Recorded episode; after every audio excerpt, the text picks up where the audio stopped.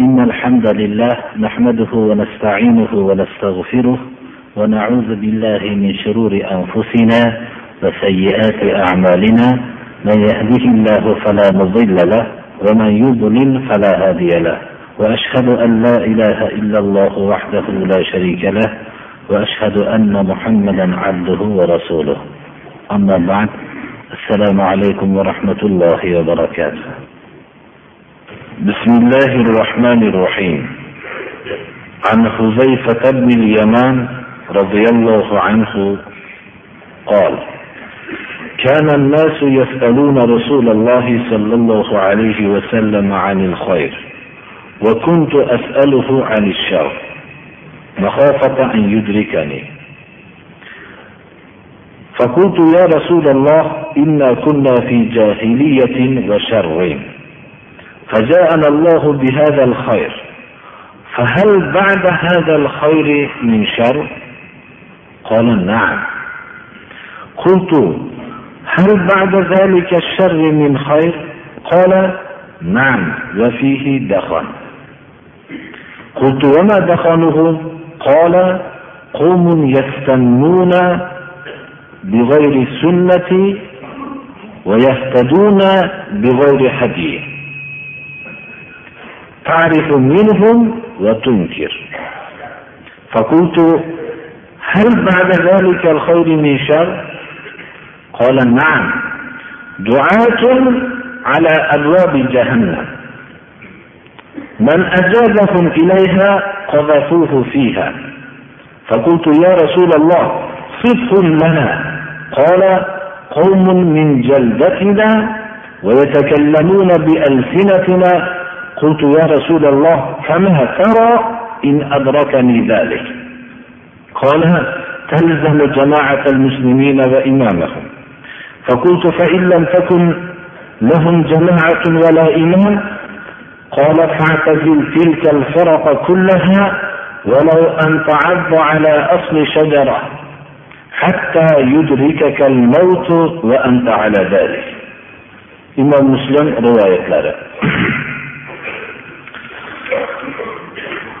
rasululloh sollallohu alayhi vasallam bu kishidan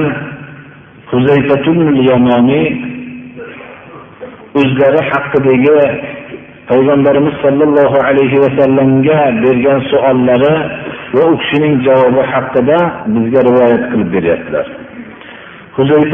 Yamoniy hammamizga ma'lumki rasululloh sollallohu alayhi vasallamning ulug' sahobalaridan bu kishini payg'ambarimiz sollallohu alayhi vasallamning sirlari deb laqablashardi.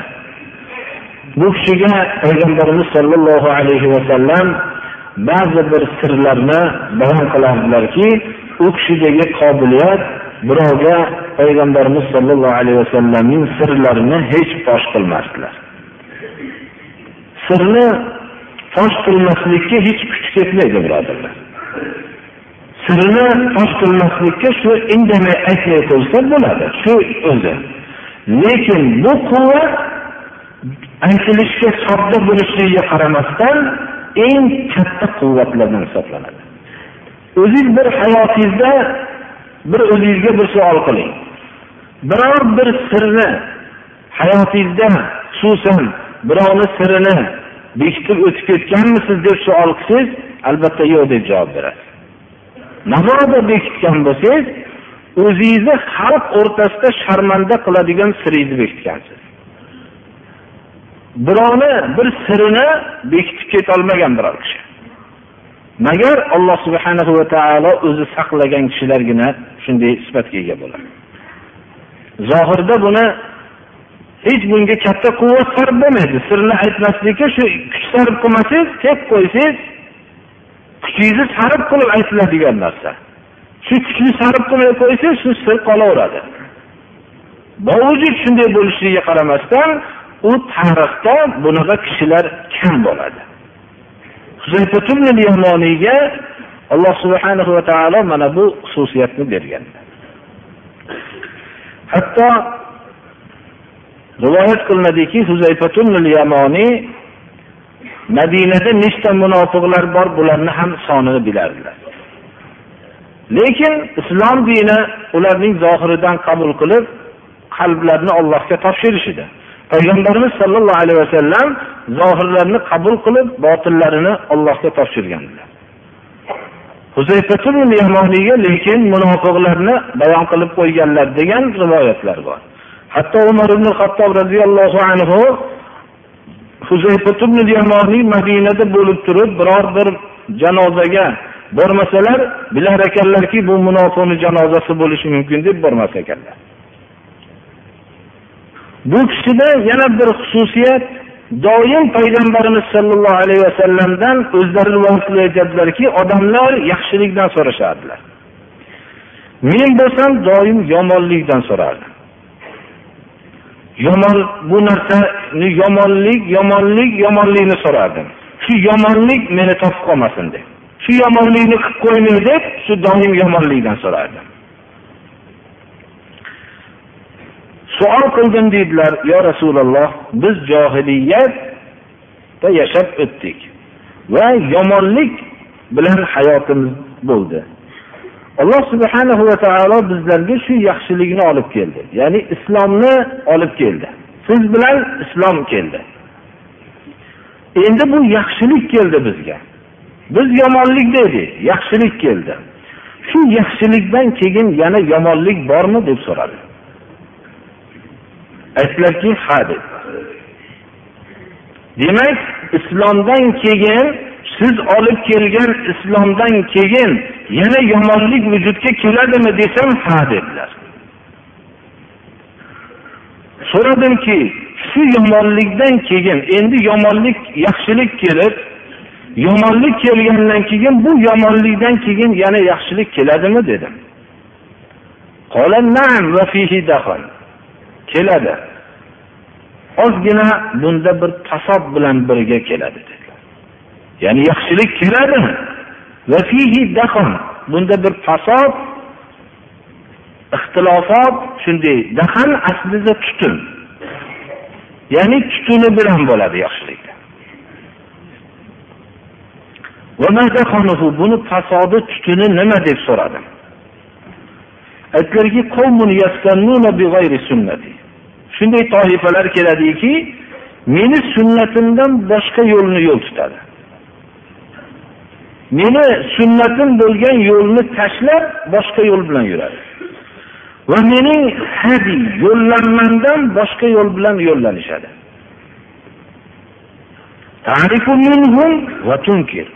Ba'zi ishlarni ko'rib juda bu islomdan deysan. Ba'zi ishlarni ko'rib va tunkir bu narsa islomdan emas deysan. Ya'ni islomdan bo'lgan ishlarni ham ko'rasan islomga zid bo'lgan ishlarni ham ko'rasan. Yana savol qildimki bu yaxshilikdan keyin yomonlik bormi? Endi bu yaxshilik tutuni bilan bor ekan.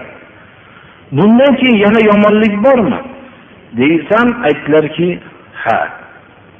Duatun ala abvabi jahannam. Jahannam darvozalarini ustida jahannamga chaqiruvchi kishilar. Kim ularni jahannam darvozalariga chaqirayotganligi ijobat qilsa jahannamga uloqtirishaveradi. Men aytdimki yo rasululloh menga shularni bir sifatlab bering kim ekanligini. Desam aytdilarki bizni terimizdan bo'lgan odamlar dedilar. Bizni tilimiz bilan gapirishadilar. Ya'ni ular islomni inkor qiladigan toifalar emas. Bizni terimizdan bo'lgan toifalar va bizni tilimiz bilan gapirishadi. Ya'ni islom istilohotlari bilan gapirishadi. Shunda aytdimki yo rasululloh agar men shu davrni topib qolsam nima qilishim kerak? dedim. Musulmonlar jamoasini ushlaysiz va musulmonlar peshvosini ushlaysiz dedilar. Men aytdimki agar shu musulmonlar jamoasiyu musulmonlar imomi bo'lmasa nima qilaman? Shu toifalarni hammasidan chetlan dedilar. Agarki daraxtni ildizini tishlab bo'lsa ham shu daraxtni ildizini tishlab bo'lsa ham saqlanib qolgin dedilar. Ya'ni hech bir narsaga aralashma dedilar. Agar shunday holatni topib qolsang hatto o'lim seni topguncha dedilar. Sen mana shu ahdda qolgin dedilar. Bu hadis sharifdan biz o'zimizga shu xulosani chiqarishimiz kerakki dunyodagi hamma yo'l zalolat bunda shak shubha qilmasligimiz kerak. Magar ollohni kitobi va rasululloh sollallohu alayhi vasallamning hadisi muboraklari asosidagi yo'l to'g'ri deb bilib olamiz kerak. Bundan boshqa hamma yo'l xato. Bunda shak shubha yo'q deb bilmoqligimiz kerak. Shu birinchi suollarida meni sunnatlarimni yo'lidan boshqa yo'lni yo'l tutishadilar va mening hadi yo'llanmamdan boshqa yo'l bilan yo'l olib ketishadilar. Mana shu belgilari dedi. Qasos shu yerdan boshlanadi dedilar mana bu narsani o'zimizga rasululloh sollallohu alayhi vasallam hali bir yomonlik hidi bo'lmagan vaqtda ogohlantirdilar. Shu yomonlik qiyomatgacha birodarlar bizni kitobi sunnat yo'liga zid yo'llar paydo bo'laveradi. Shuning uchun bu yo'llar ollohni inkor qilgan yo'llar bo'lsa juda sodda bo'ladi. Biz bilamizki bu islomga zid yo'l deb. Bu yo'llar tarixda davomiy suratda.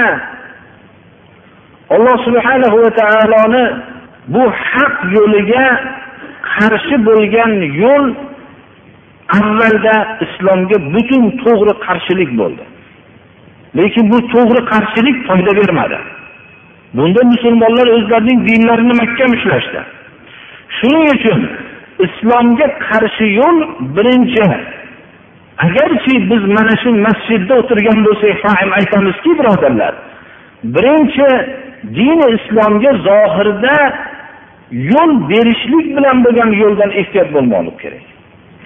Islomga zohirdan ba'zi bir ibodatlarga ruxsat bo'lib haqiqiy islomning ma'nosini tushunishlikka qarshi bo'lgan yo'ldan ehtiyot bo'lmoqlik kerak. Bunda juda ko'p odam haligi tutun bilan ichidagi yaxshilikka aldanadi tutun bilan shu bo'lmay qoladi. Shuning uchun islom dushmanlari aniq bilishganki islomga qattiq ro'baro qarshi bo'lishlik hech qanday foyda bermagan. Shuning uchun biz har qanaqa yo'lni kitobi sunnatga taqqoslamoqligimiz kerak. Bunga zid bo'lgan yo'l hech kim bo'lishligidan qat'iy nazar botil deymiz. Ikkilanmasligimiz kerak bunda. Bunday yo'l bizning tashqarimizdan paydo bo'lmaydi birodarlar. Musulmonman degan islom degan nomlar bilan paydo bo'ladi. Islomga iymon keltirganimizga o'xshagan islomning buyruqlarini avvaldan tortib oxirigacha bo'lgan hukmlarga iymon keltirmoqligimiz kerak. Va shuni hayotimizga tadbiq qilmoqligimiz kerak. Islom ko'rsatmalari asossiz. Islom ko'rsatmalaridan tashqarida turib islomga amal qilishlikni davo qilishlik bir kazzoblikdan boshqa narsa emas. Shuning uchun mana bu hadis sharifni hammamiz o'zimizga bir xulosa chiqarib olishimiz kerakki alloh subhanahu va taolo bizlarni dovdiraydigan xalqlar qilib qo'ymadi. Alloh subhanahu va taolo bizlarga payg'ambar jo'natdi. Muhammad alayhissalomni payg'ambar qilib qur'oni karimni nozil qildi va u kishi o'zlarining hadisi muboraklari bilan qur'oni karimni izohlab berdilar va u kishidan sahobalar olishdilar. Sahobalar qur'oni karimni tushungandaqa tushunamiz va u kishining tobelari tobeinlar tushungandaqa tushunamiz va bularga ergashgan kishilar asosi tushuntirgan asosda biz islomni tushunamiz. Qur'onni shunday tushunamiz.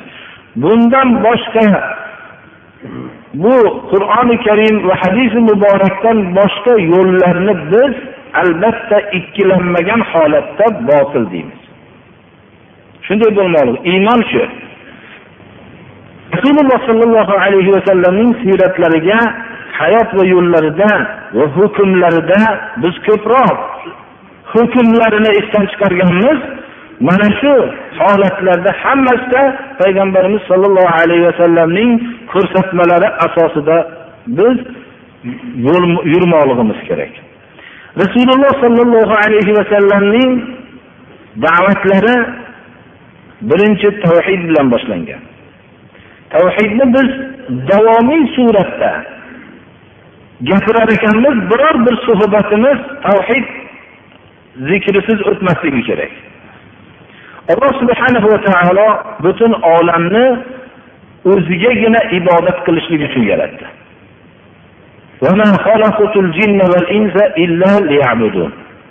Inson va jin toifasini faqat o'zimgagina ibodat qilishlik uchun yaratdim deydi. Payg'ambarlarni alloh subhanahu va taolo tavhidga da'vat qilishlik uchun payg'ambar qilib jo'natdi. Qur'oni karim tavhidga eng ko'p ehtimom qilgan masala mavzu tavhid mavzusidir. Va shirkning zararini kishiga butun jamoatlarga shirkning zararini bayon qildi.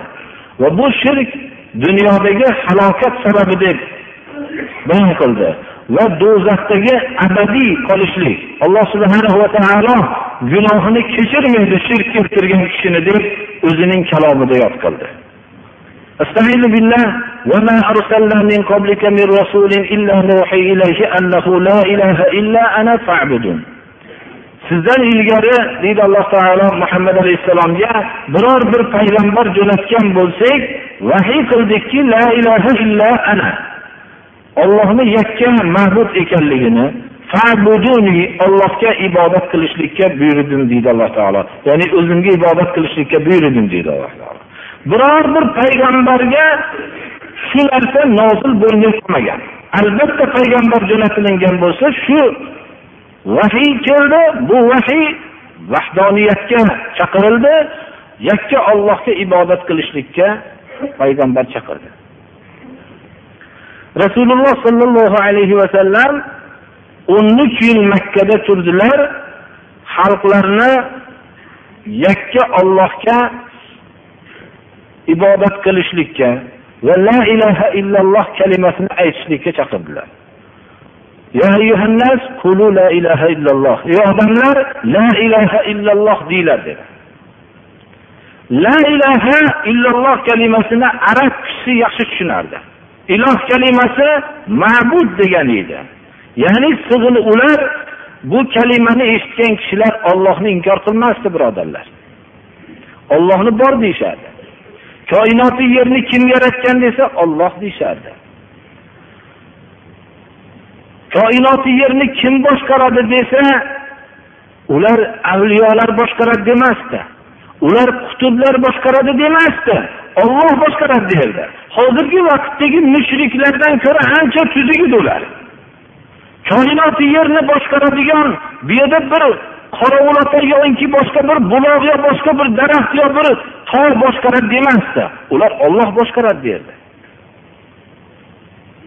rasululloh sollallohu alayhi vasallam ey odamlar la ilaha illalloh deylar degan kishilar olloh koinoti yerni yaratgan olloh koinoti yerni boshqaradi deyishardi. Olloh rizq beradi deyishardi. Rizqni boshqa bir tepaliklardan talab qilib kelishmasdi. Ollohdan talab qilishardi. Olloh o'ldiradi deb jang qilishardi. Olloh tiriltiradi deyishardi.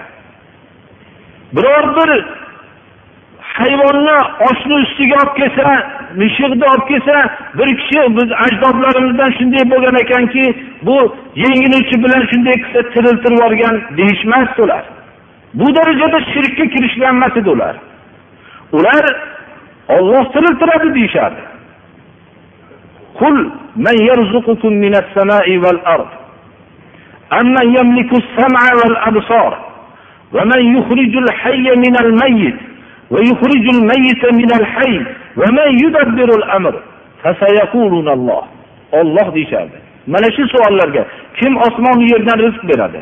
Kim koinoti yerni boshqaradi? Kim o'likni tirikdan chiqaradi? Tirikni o'likdan chiqaradi? Kim sizlarga bu koinoti yerni boshqaradi va hokazo mana shu savollarni hammasiga olloh deyishardi. Shu sifatlarni ollohni olloh yakka ekanligini tan olib nimaga ibodatni ollohni o'ziga qilmaysizlar? Shunda ollohdan qo'rqmaysizlarmi boshqa narsalarga ham ibodat qilishlikda o'zinglar bilan ollohni o'rtasida vosita qilishlikdan ollohdan qo'rqmaysizlarmi dedilar. Biz buni yaxshi anglashligimiz kerak. Biz ollohni bor deyishligimiz ollohni rizq beradi deyishligimiz olloh koinot yerni boshqaradi deyishligimiz bizni jannatga olib kirolmaydi birodarlar. Bu o'zini so'z. Albatta biz shunday deb tan olamiz. Lekin bu bilan birga ibodatni faqat ollohni o'ziga qilmoqligimiz kerak. Mana bu narsa la ilaha illalloh kalimasining ma'nosidir. Payg'ambarimiz sollallohu alayhi vasallam ey odamlar la ilaha illalloh deyglar deganlar kishilar mana bunday e'tiqodlari shu darajada edi lekin o'zlari bilan ollohni o'rtasida har xil vositalar qilishgandi. Bu vositalarga ibodat qilyapmiz. Bu vositalarni biz yaratuvchi deb tan olmaymiz deyishardi. Biz bilan ollohni o'rtasida vosita bo'ladi deyishardi. Shuning uchun mushrik bo'lishdilar shuning uchun rasululloh sollallohu alayhi vasallam kelishmadilar va payg'ambarimiz sollallohu alayhi vasallam bilan ular o'rtasida jang bo'ldi. Va shu jangda o'lgan kishilar shahid bo'ldi birodar. Mana bu narsani biz bilmoqligimiz kerak. Rasululloh sollallohu alayhi vasallam tavhid asosida mana qul innama ad'u robbi va la ushriku bihi ahada. Rabbimga duo qilaman dedilar. Duo ibodatni duo ibodatning mag'zi. Robbimgagina duo qilaman. Arab tilini bilgan kishilar bilib turibdi. Faqat robbimga duo qilaman. Shu kalimani o'zi bilan cheklanmayapti qur'oni karim. Ollohga hech bir narsani sharik qilmayman. O'zi kalima faqat robbimga ibodat qilaman hech narsani sharik qilmayman degan ma'noni bildiraveradi. Lekin kamoli ta'kid bo'lib kelyapti. Shuni rasululloh sollallohu alayhi vasallamga alloh taolo ayting deyapti. E'lon qiling. Kimlarga ollohni bor deganlarga ollohni rizq beradi deganlarga koinot yerni olloh yaratgan koinot yerni olloh boshqaradi degan kishilarga men robbimgagina duo qilaman robbimgagina sig'inaman robbimga hech bir narsani sharik qilmayman deng ahada kalimasi yana bir diqqatga sazovorki ular sharik qilgan narsalar bizning davrimizdagi mushriklar sharik qilgan narsalar past narsalar emas edi.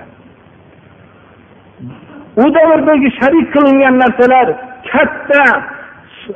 Nuh alayhissalomning davrida yer kurrasi suvni ostida qolib kelib qolib ketgan va shulardan qolgan pokiza avlod ajdodlarning ramzlari edi. U ramzlar butlar ular nuh alayhissalom bilan birga kemada salomat qolgan ollohning ulug' bandalari edi. Mana shularni shakllarni qilib shularni olloh bilan bizni o'rtamizda vosita. Chunki ular butun najot topgan kishilar deb katta kishilar deb turib sig'inishardi. Ahadan ya'ni ular ko'proq odamlarni sharik qilishgan edi. Odamlarning eng solihlarini sharik qilishgan edi. Ba'zilar bo'lsa ahli kitoblar nasorolar iso alayhissalomni sharik qilgan edi yahudlar bo'lsa uzar alayhissalom payg'ambarlarni sharik qilgan edi mana bu narsa shuni sharik qilgan kishilarga rabbimgagina duo qilaman. Hech bir kishini rabbimga ibodat qilib duo qilayotganimda sharik qilmayman deb e'lon qiling deb alloh taolo buyurdi. Biz mana bu narsani yaxshi tushunmoqligimiz kerak. Tavhid bu najot sababidir. Agar bu tavhid topilmasa amallar hammasi shirk bo'lib qolsa botil bo'ladi birodarlar. Agar shirk amali sodir bo'lsa deb muhammad alayhissalomga alloh taolo xitob qilyaptiki amalingizni habata bo'lishligida shak shubha yo'q deyapti. Rasul sollallohu alayhi vasallam o'zlarining tobelarini kichkinalikdan tavhid asosida tarbiya qilardilar. Amakilarining o'g'li abdulloh ibn abbos bu kishi yosh edilar payg'ambarimiz sollallohu alayhi vasallam vafot qilganlarida juda yosh edilar bu kishi. Bu kishi vallohu alam u kishi hech yigirmaga bormagan edilar. U kishi yigirmaga ham emas o'n beshga ham bormagan edilar. Abdulloh ibn abbos yosh edilar. Bu kishi payg'ambarimiz sollallohu alayhi vasallam tahorat qilmoqchi bo'lib ketganlarida suv olib borganlarida besh yoshar edilar. Ana kichkinalikdan bu kishiga bir nasihatlarni bittasi bir narsa so'rasang ollohdan so'ra dedilar. Yordam so'rasang yordam talab qilsang ollohdan yordam talab qil dedilar. Imom termiziy rivoyatlari. Rasululloh sollallohu alayhi vasallam yoshlikdan shunday tarbiya qildilar. Hatto ashoblarni biror bir joyga jo'natsalar ularni birinchi chaqiradigan narsalari tavhidga bo'lishligini ogohlantiradilar. Payg'ambarimiz sollallohu alayhi vasallam ibn jabarni yamanga jo'natayotganlarida aytdilarki فليكن أول ما تدعوهم إليه شهادة أن لا إله إلا الله وفي رواية إلى أن يوحدوا الله birinchi chaqiradigan narsangiz la ilaha illalloh shahodati bo'lsin kimlarga aytdilar ular bizga tavrot tushgan degan tavrotni yod qilgan tavrotga amal qilyapmiz deb davo qilgan Ahli kitob ahli ilmlarni oldiga yamanga ibn jabalni jo'natib birinchi da'vatingiz la ilaha illalloh shahodatiga bo'lsin dedilar. Ollohni borligini unashardi. Ular ahli kitobmiz bu yerda balki quraysh arablarini ular johillar deyishardi. Mana shunday ilmni davo qilgan kishilarga la ilaha illalloh shahodatiniga da'vat qilishlik birinchi da'vatingiz bo'lsin dedilar. Agar hozir biror bittamiz shu xalqlarga ey odamlar la ilaha illalloh denglar deb payg'ambarlarni so'zini aytsak biz hali la ilaha illalloh demayapmizmi? deydi. La ilaha illalloh. Ey odamlar la ilaha illalloh denglar degan kalimani aytadigan bo'lsangiz biz hali la ilaha illalloh demayapmizmi? deydi. Biz la ilaha illalloh kalimasini hayotga tadbiq qilishlikka chaqirmoqligimiz kerak. Shahodat kalimasiga yana bir to'xtalib o'tamiz. Birinchi da'vat qilgan narsangiz la ilaha illalloh shahodati bo'lsin. Guvohlik deb nimani aytamiz? Bir kishi guvohlik bersa uning guvohlik turishligi guvoh bo'ladigan bo'lsa uning masalan mo'minligiga turishligi dalolat qilishligi kerak. Yoyinki uni o'g'rimasman desa uni o'g'rimaslikka guvohlar guvohlik berishligi kerak. Shu guvohlik bu tilni o'zi bilan bo'lmaydi. Bir kishi o'zi haqiqatda o'g'ri bo'lsa o'g'ri emasman deyishligi bilan guvohligi o'tmaydi birodarlar. Guvohlik degan so'z uning har bir harakati shu aytayotgan so'ziga guvohlik bo'lishi kerak. Demak la ilaha illalloh kalimasini aytsayu duoni boshqa narsaga qilsa bu guvohlik emas birodarlar. Buni turishligi la ilaha illalloh demayotgan odamga guvohlik beradi. La ilaha illalloh desayu o'zi sig'iniladigan ma'bud yakka desa nasrni boshqa narsalarga qilsa bu la ilaha illallohga bo'lgan shahodatni aksidir. La ilaha illalloh desa yordamni boshqadan so'rasa bu la ilaha illallohni aksiga bo'lgan shahodatdir. O'zi la ilaha illalloh desa la ma'buda illalloh sig'iniladigan zot yagona desayu hukm ollohni hukmini qabul qilmasdan ollohni hukmi endi zamonga muvofiq bo'lmay qoldi desayu bashar hukmini qabul qilsa u la ilaha illalloh degan so'zi u aytayotgan so'ziga aksdir bu.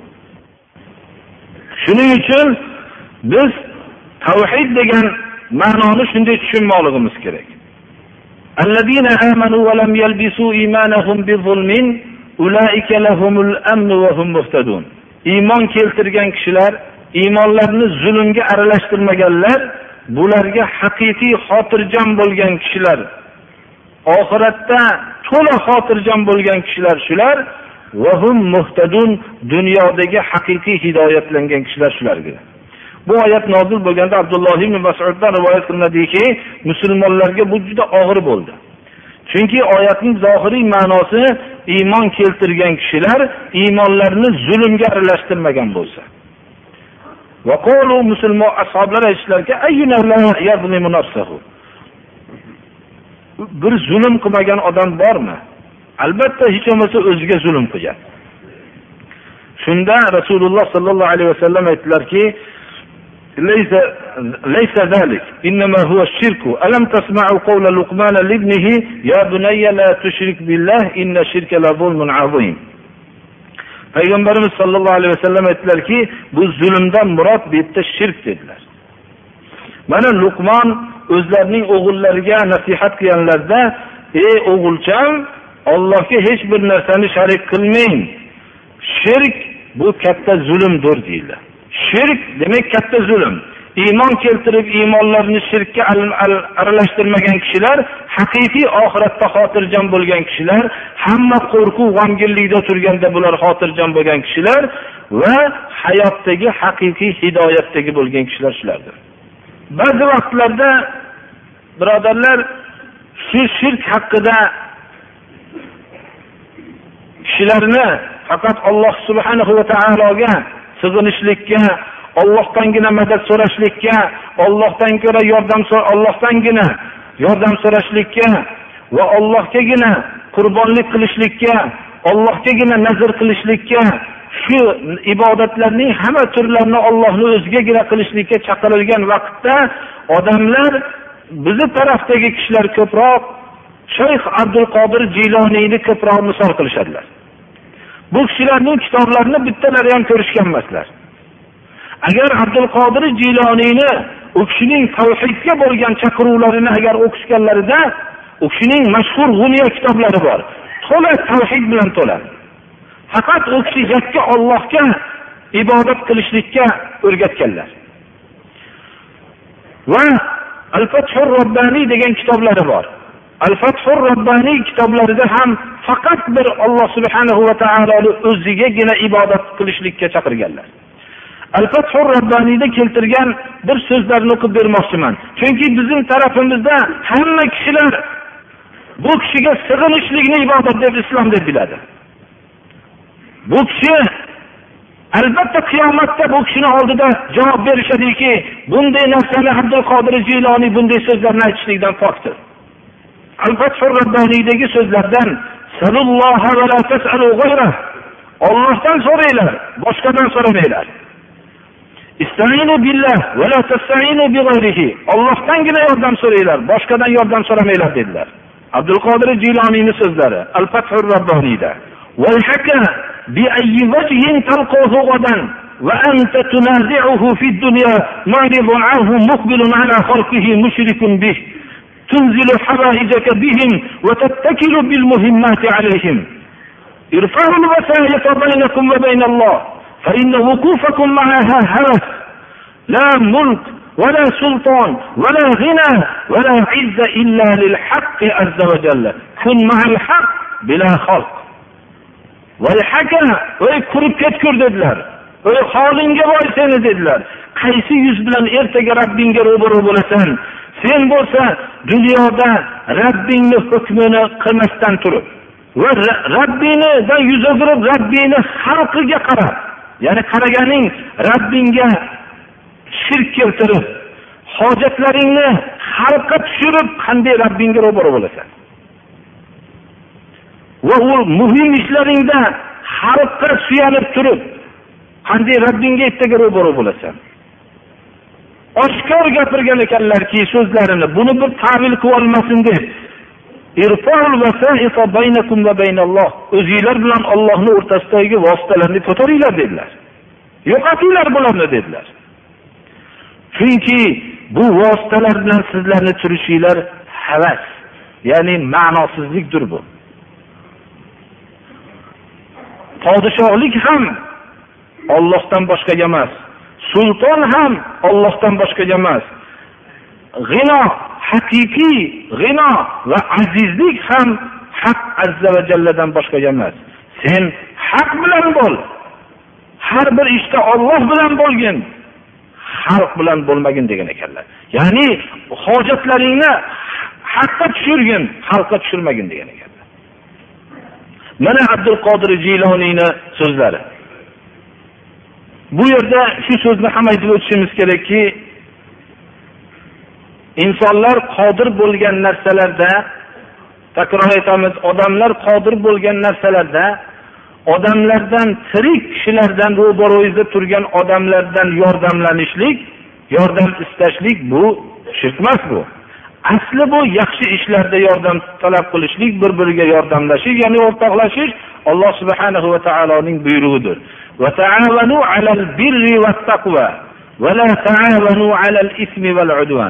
Yordamlashinglar yaxshi taqvo ishlar ustida gunoh ishlar ustida yordamlashmanglar. Ya'ni taovun boshqa istionat boshqa. Istionat yordam talab qilishlik inson qodir bo'lmaydigan ishlarda. Ollohdan talab qilinadigan yordamlarni odamdan talab qilishlik bu istionat shirkdir bu. Taovun men qodir bo'lmagan narsaga siz yordam berishlik siz qodir bo'lmagan narsaga meni yordam berishligim. Bu taovun alloh subhanahu va taolo tarafidan biz ma'murmiz bu narsaga. Va rasululloh sollallohu alayhi vasallam aytdilarki vallohu fi aunil abdi ma kana al abdu fi akhihi. Imom muslim rivoyatlari. Olloh bandaga yordam beradi modomiki banda birodariga yordam berib yursa mana bu yordam berishlik bu haqda hadislar hammamizga bu ma'lum mana. Darsimizda savollar bo'lganligi uchun men ba'zi bir savollarga javob berishlik bilan ham o'tkazib yubormoqchi edim. Ba'zi birodarlar qur'oni karimdagi payg'ambarlar qissalari bayon qilinayotgan ba'zi narsalarni o'qishlik natijasida qalblari taskin topmaganligi sababli ba'zi savollar qilishdi. Bu savol shunga bizni ko'rsatdiki shuni aytishligimiz hozirgi vaqtda birodarlar arab harflari bilan chiqarilmayotgan kitoblar ko'plari hech kim islom kishilari buni tekshirish tekshirishlikdan chetda bo'lganligi uchun kitobi sunnatga zid bo'lgan bu yerdagi ko'p tagi bo'sh bo'lgan kitobchalar ko'payib ketganligi uchun hamma kitobni qalbiylar taskin topgan kitobi sunnatni bilgan qur'oni karimning ma'nolaridan xabardor bo'lgan hadis sharifni xabarlardan hadisni ma'nolaridan xabardor bo'lgan kishilarga ko'rsatishlik natijasida o'qimoqlik kerak birodarlar. Shunday mana ko'pchilik agar shu narsani men o'qiganim yo'q o'qiganlarni xabari bo'yicha qur'oni karim qissalaridan dovud alayhissalomning qissasi haqida juda bir u kishini haqida nihoyat darajada hech kitobi sunnatga to'g'ri kelmaydigan u kishining ulug' payg'ambarligiga to'g'ri kelmaydigan so'zlarni bayon qilinganligini aytishdi. Bu narsa shuni ko'rsatadiki bu faqat hozirgina emas birodarlar. Bu arab tilidagi hatto tafsirlarning ko'pida ham hali o'zbek tilidagi emas arab tilidagi tafsirlarning ko'pida ham odamlar biz ko'p narsani noto'g'ri bir tafsirlar orqali tarqatilganligi buni qur'oni karimning ruhini hadisi muborakni ruhini bilgan kishilar ajratib olishadi. Biz qur'oni karimga nisbatan qur'onni alloh subhanahu va taolo tarafidan nozil bo'lganligiga iymon keltiramiz biz qanday hurmatda bo'lmoqligimiz kerak qur'on oldidagi vazifamiz nima birinchi haqiqiy tilovat qilmoqligimiz kerak abdulloh ibn masud roziyallohu anhu aytgan ekanlarki الذين آتيناهم الكتاب يتلونه حق تلاوته أولئك يؤمنون به mana shu oyatda ya'ni ahli ilmlar qur'onni haqiqiy tilovat qilishadi bulargina haqiqiy qur'onga iymon keltirgan kishilar abdulloh ibn masud roziyallohu anhu aytganlarki nafsi biyadihi إن حق تلاوته أن تحل حلاله ويحرم حرامه ويقرأه كما أنزله الله ولا يحرف الكلمة عن مواضعه ولا يحرف الكلمة عن مواضعه ولا يتأول منه شيئا على غير تأويله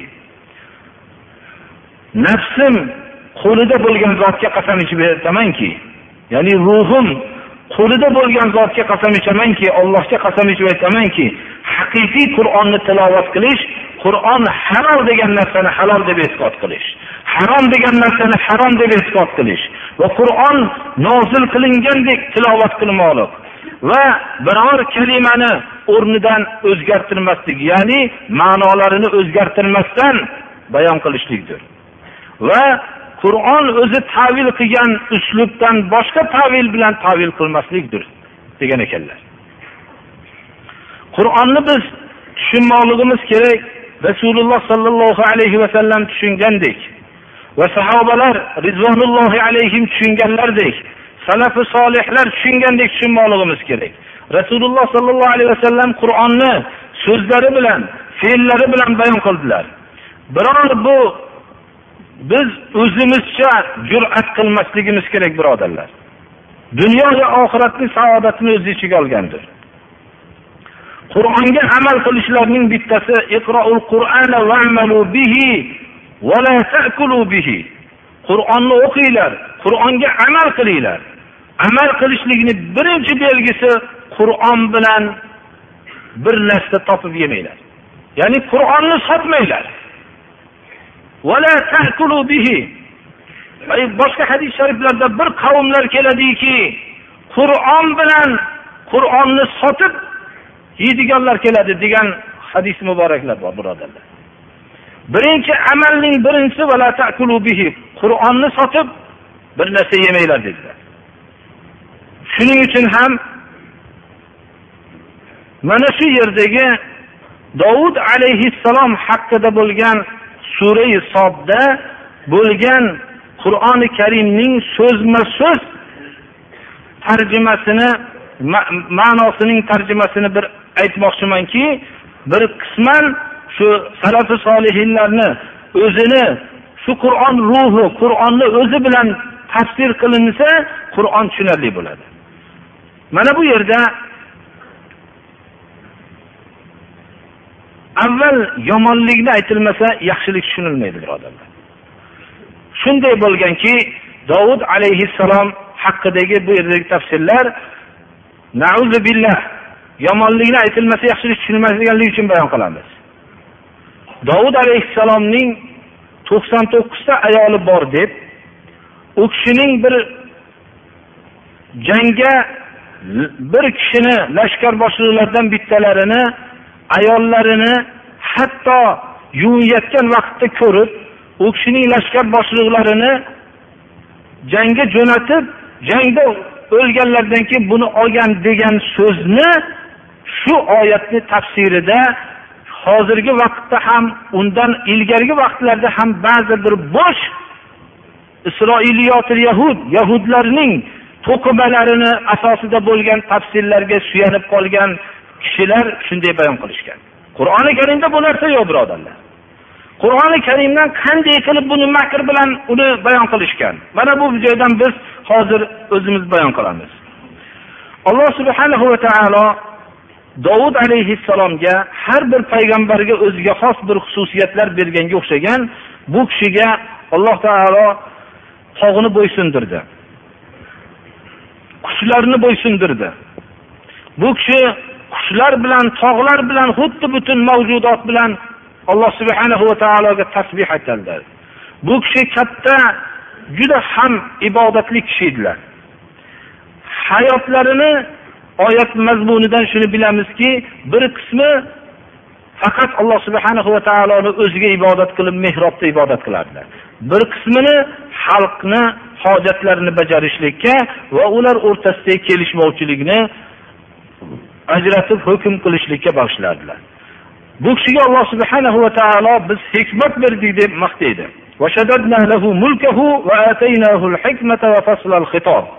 Biz u kishiga mulk berdik podshohlik va hamda hikmat berdik har bir narsani hal qiladigan va faslal xitob tezda eshitilingan so'zni hal qiladigan ilm berdik deyapti alloh taolo. Lekin inson har qancha ilmlik bo'lsa ham har qancha odamlarni o'rtasida hukm qilishlikka qodir bo'lsa ham inson bo'lib qolaverishligi uchun alloh subhanahu va taolo imtihon qildi. Rasululloh sollallohu alayhi vasallamga alloh taolo sura sodda sizga bu hasm husumat xabari keldimi sizga? Mehrobni tasavvura devordan shunday tushishligini aytadi. Mehrobda ibodat qilib turgan vaqtlarda bu kishi devordan shunday tepadan mehrobga tushdi husumat qilib kelishmagan kishilar. Dovud alayhissalomni oldiga kirishdi. Qo'rqib ketdilar. Ya'ni mehrobda ibodat qilib turganlarida bu kishini oldilariga hech kim kirmasdi to'satdan kirganligidan bu kishi qo'rqib ketdilar. Ular aytishdi qo'rqmang deyishdi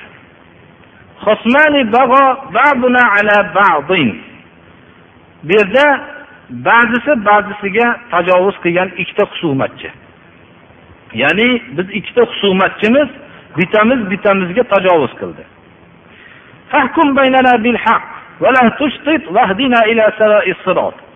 Bizni o'rtamizda haq bilan hukm qiling. Unaqa to'g'ri yo'lga yo'llang har xil tarafga yurmang. To'g'ri bilan haq bilan hukm qiling o'rtamizda deyishdi. işte.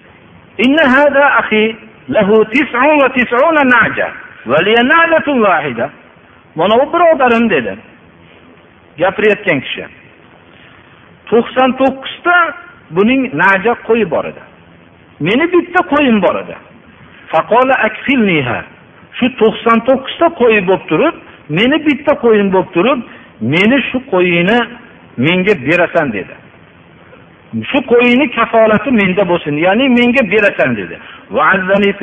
Berasanlar deb qo'ymasdan xitobda meni qattiq men bilan tortishdi. Qattiq gapirdi berasan dedi. Mana shu soatda agar sizga shu hukmni shunday olib kelsa shu vaqtda g'azabingiz keladi. Ey noinsof to'qson to'qqizta qo'ying bor ekan buni bitta qo'yi bor ekan. Nahotki sen shu to'qson to'qqizta qo'yini ustiga shu qo'yni ham olasanmi deydi. Deb shu vaqtda insonning g'azabi kelib ketadi. Inson borki bunga albatta haq shu bitta qo'y bor odamniki deb biladi. Har qanaqa hukm qilgan odam ham. Chunki odamlar mazlum tarafida turishlik bilan odatlanib qolganmiz. Qola dovud alayhissalom seni bitta qo'yingni o'zini qo'yiga qo'shib so'ragan bu senga zulm qilganligida shak shubha yo'q. Senga qat'an zulm qilibdi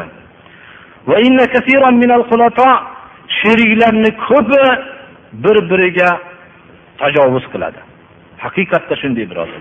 Dunyoviy sohada yer kurrasida bir sherik olib ko'ring sheriklar bir biriga zulm qiladi.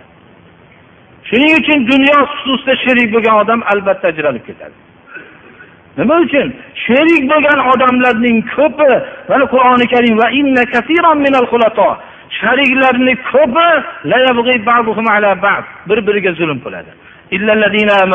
Iymon keltirib amali solih qilganlar bundan mustasno bular zulm qilmaydi.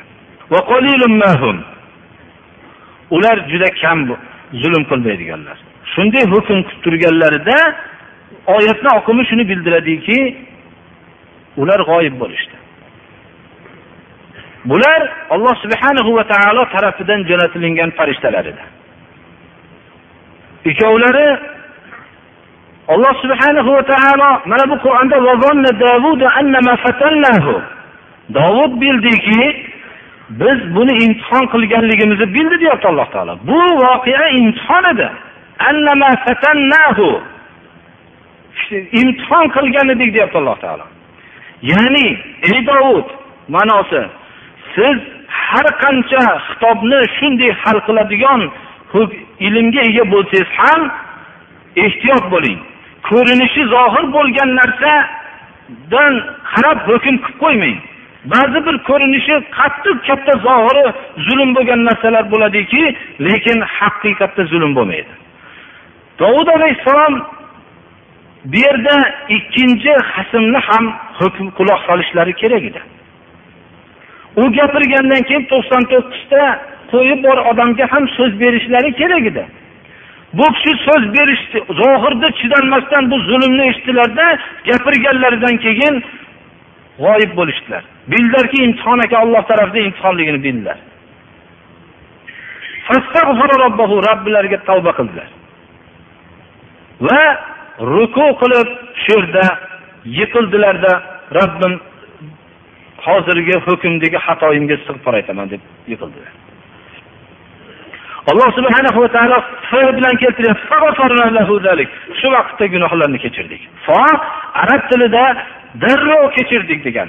Ya'ni inson gunohini bilib xato qilishligi bilan xatosini bilishligi bilan tavba qilsa shu vaqtda gunoh kechiriladi ya'ni alloh subhanahu va taolo shuni bildirdiki har qanday ko'rinishda zulm bo'lgan narsa bo'lsa ham o'zi qoida shu ediki ikkinchi taraf ham gapirishligi kerak edi.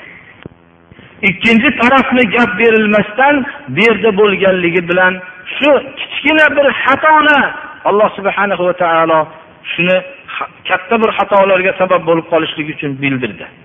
Imtihon qildi. Mana bu narsa qur'oni karimda bizga bayon qilingan narsa. Bu yerda yahudlarning to'qimalari asosida bayonlarga aldanib qolgan hozirgi vaqtdagi kishilar bu zalolatga ketadi. Shuning uchun biz to'la bir tushunmoqligimiz kerak. Mana bu qur'oni karimning o'zini bayoni bizga. Bu yerda hech dovud alayhissalomni alloh taolo olloh qanday yaxshi bandam bu deyapti. Ollohga qaytuvchi inobat qiluvchi bandam deyapti. Agar bunday amalni hali aytgan amalimizni to'qson to'qqizta ayoli bo'lib bunday uning lashkar boshlig'ini jangga jo'natib u o'lgandan keyin buni kiyimsiz holatda buni ko'rdi degan so'zni agar hayoti bo'yicha din bilan kurashgan odam qilsa ham martabasi pastlaydi uni. Bu dovud alayhissalom birodarlar. Ollohning ulug' payg'ambari sulaymon alayhissalomning dadalari. Alloh subhanahu va taolo mening qanday yaxshi bandam deyotgan zot.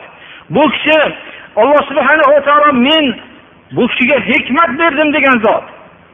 Mana bu haqiqiy narsani yozgan kishilar bilmasa istig'for aytishlari kerak. Bilib yozgan bo'lsa dindan chiqishligida shak shubha yo'q birodarlar.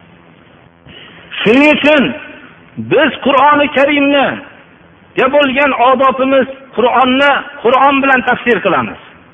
Keyin hadisi muborak bilan tafsir qilamiz. Sahobalar so'zi bilan tafsir qilamiz. Tobeinlar so'zi bilan tafsir qilamiz. Salafi solihinlar umuman shular tushungandek tushunamiz. Qur'onni ra'yimiz bilan tushunmaymiz. Xususan qur'onni yahudlarning to'qima isroiliyotlari bilan tushunmaymiz birodarlar. Bu xatar yo'l bu. Qur'onni alloh subhanahu va taolo qur'on va hadisni qur'onni lafziniyu ma'nosini saqladi. Hadisi muborakni saqlab sahih hadislarni bayon qiladigan ulamolarni alloh taolo yaratdi. Shuning uchun mana bu qur'onning bizga bayoni. Bu biz shundan xulosa chiqaryapmizki qur'on bizga hidoyat bo'lib har qanday ko'rinishlikda zohiri shunday bo'lgan zulm bo'lgan narsa to'g'ri bo'lavermaydi birodarlar. Mana masalan bizni o'zimizni o'rtamizda juda ko'p kambag'alparvarlik bor. Chunki biz kambag'alparvar bo'lgan falsafada o'sganmiz. Nima uchun doim haqiqat kambag'alda bo'laveradi? Bir odam haq badavlatdami kambag'aldami bilmaymiz. Biz doim kambag'alni yonini olishlik ham xato xuddi boyni yonini olishlik xato bo'lganga o'xshagan. Biz haqni yonini olmoqligimiz kerak. Ko'rinishda juda ko'p zulm bo'lgan narsalar borki tekshirib qarasangiz masalan bir odam och yalang'och hech narsasi yo'q juda oddiy narsalari bor. Bir odam juda badavlat halol kasb bilan topgan. Shu odamni ikkita odam kelsakim mana shu odam meni uyimga kirib o'g'irlik qildi desa buni hech narsasi yo'q ekan qanaqa qilib o'g'irlik qilgan bo'ladi? Seni hamma narsang bo'lsa deyishimiz noto'g'rida. Mumkin shu o'g'ridir o'sha. Shuning uchun har bir narsani biz avvalo maqsaddan boshqa tarafga yurdik. Biz qur'oni karimni mana bu to'g'ri o'zini qur'on bilan tushunmoqligimiz kerak. Mana bu yerda alloh subhanahu va taolo mana bu oyatni davomida ey dovud biz sizni yerga xalifa qildik. Odamlar o'rtasida haq bilan hukm qiling. Havoga ergashmang. Havoga ergashishlik ollohni yo'lidan adashtiradi sizni. Deb mana bu oyatlarni keldiki demak yer yuziga xalifa bo'ladigan kishi bu xalifa ya'ni inson u bir tarafdan gapni eshitib hukm qilishligi xato edi. Agarki u taraf haqqa o'xshab tursa ham. Mana bu oyatning ma'nosi shu. Mabodo shunday bu gapni men savol qilinishlik munosabati bilan shuni aytmoqchimanki birodarlar xolis gap. Bu har bir o'zbekcha kitoblarni hammasini agar ko'nglinglarda shubha bo'lishligi bilan avvalo shunday ulamolarni qalbinglar taskin topgan odamga murojaat qilmoqliginglar kerak. Qalbinglar taskin topgan odamdan kitobi sunnatni bilgan odamdan tekshirib olishlik kerak. Hammamizga tavhid aqidasini nasib qilib shu tavhid aqidasi bilan o'tib ketishlikni alloh taolo hammamizga nasib qilsin وصلى الله تعالى على خير خلقه محمد وآله وأصحابه أجمعين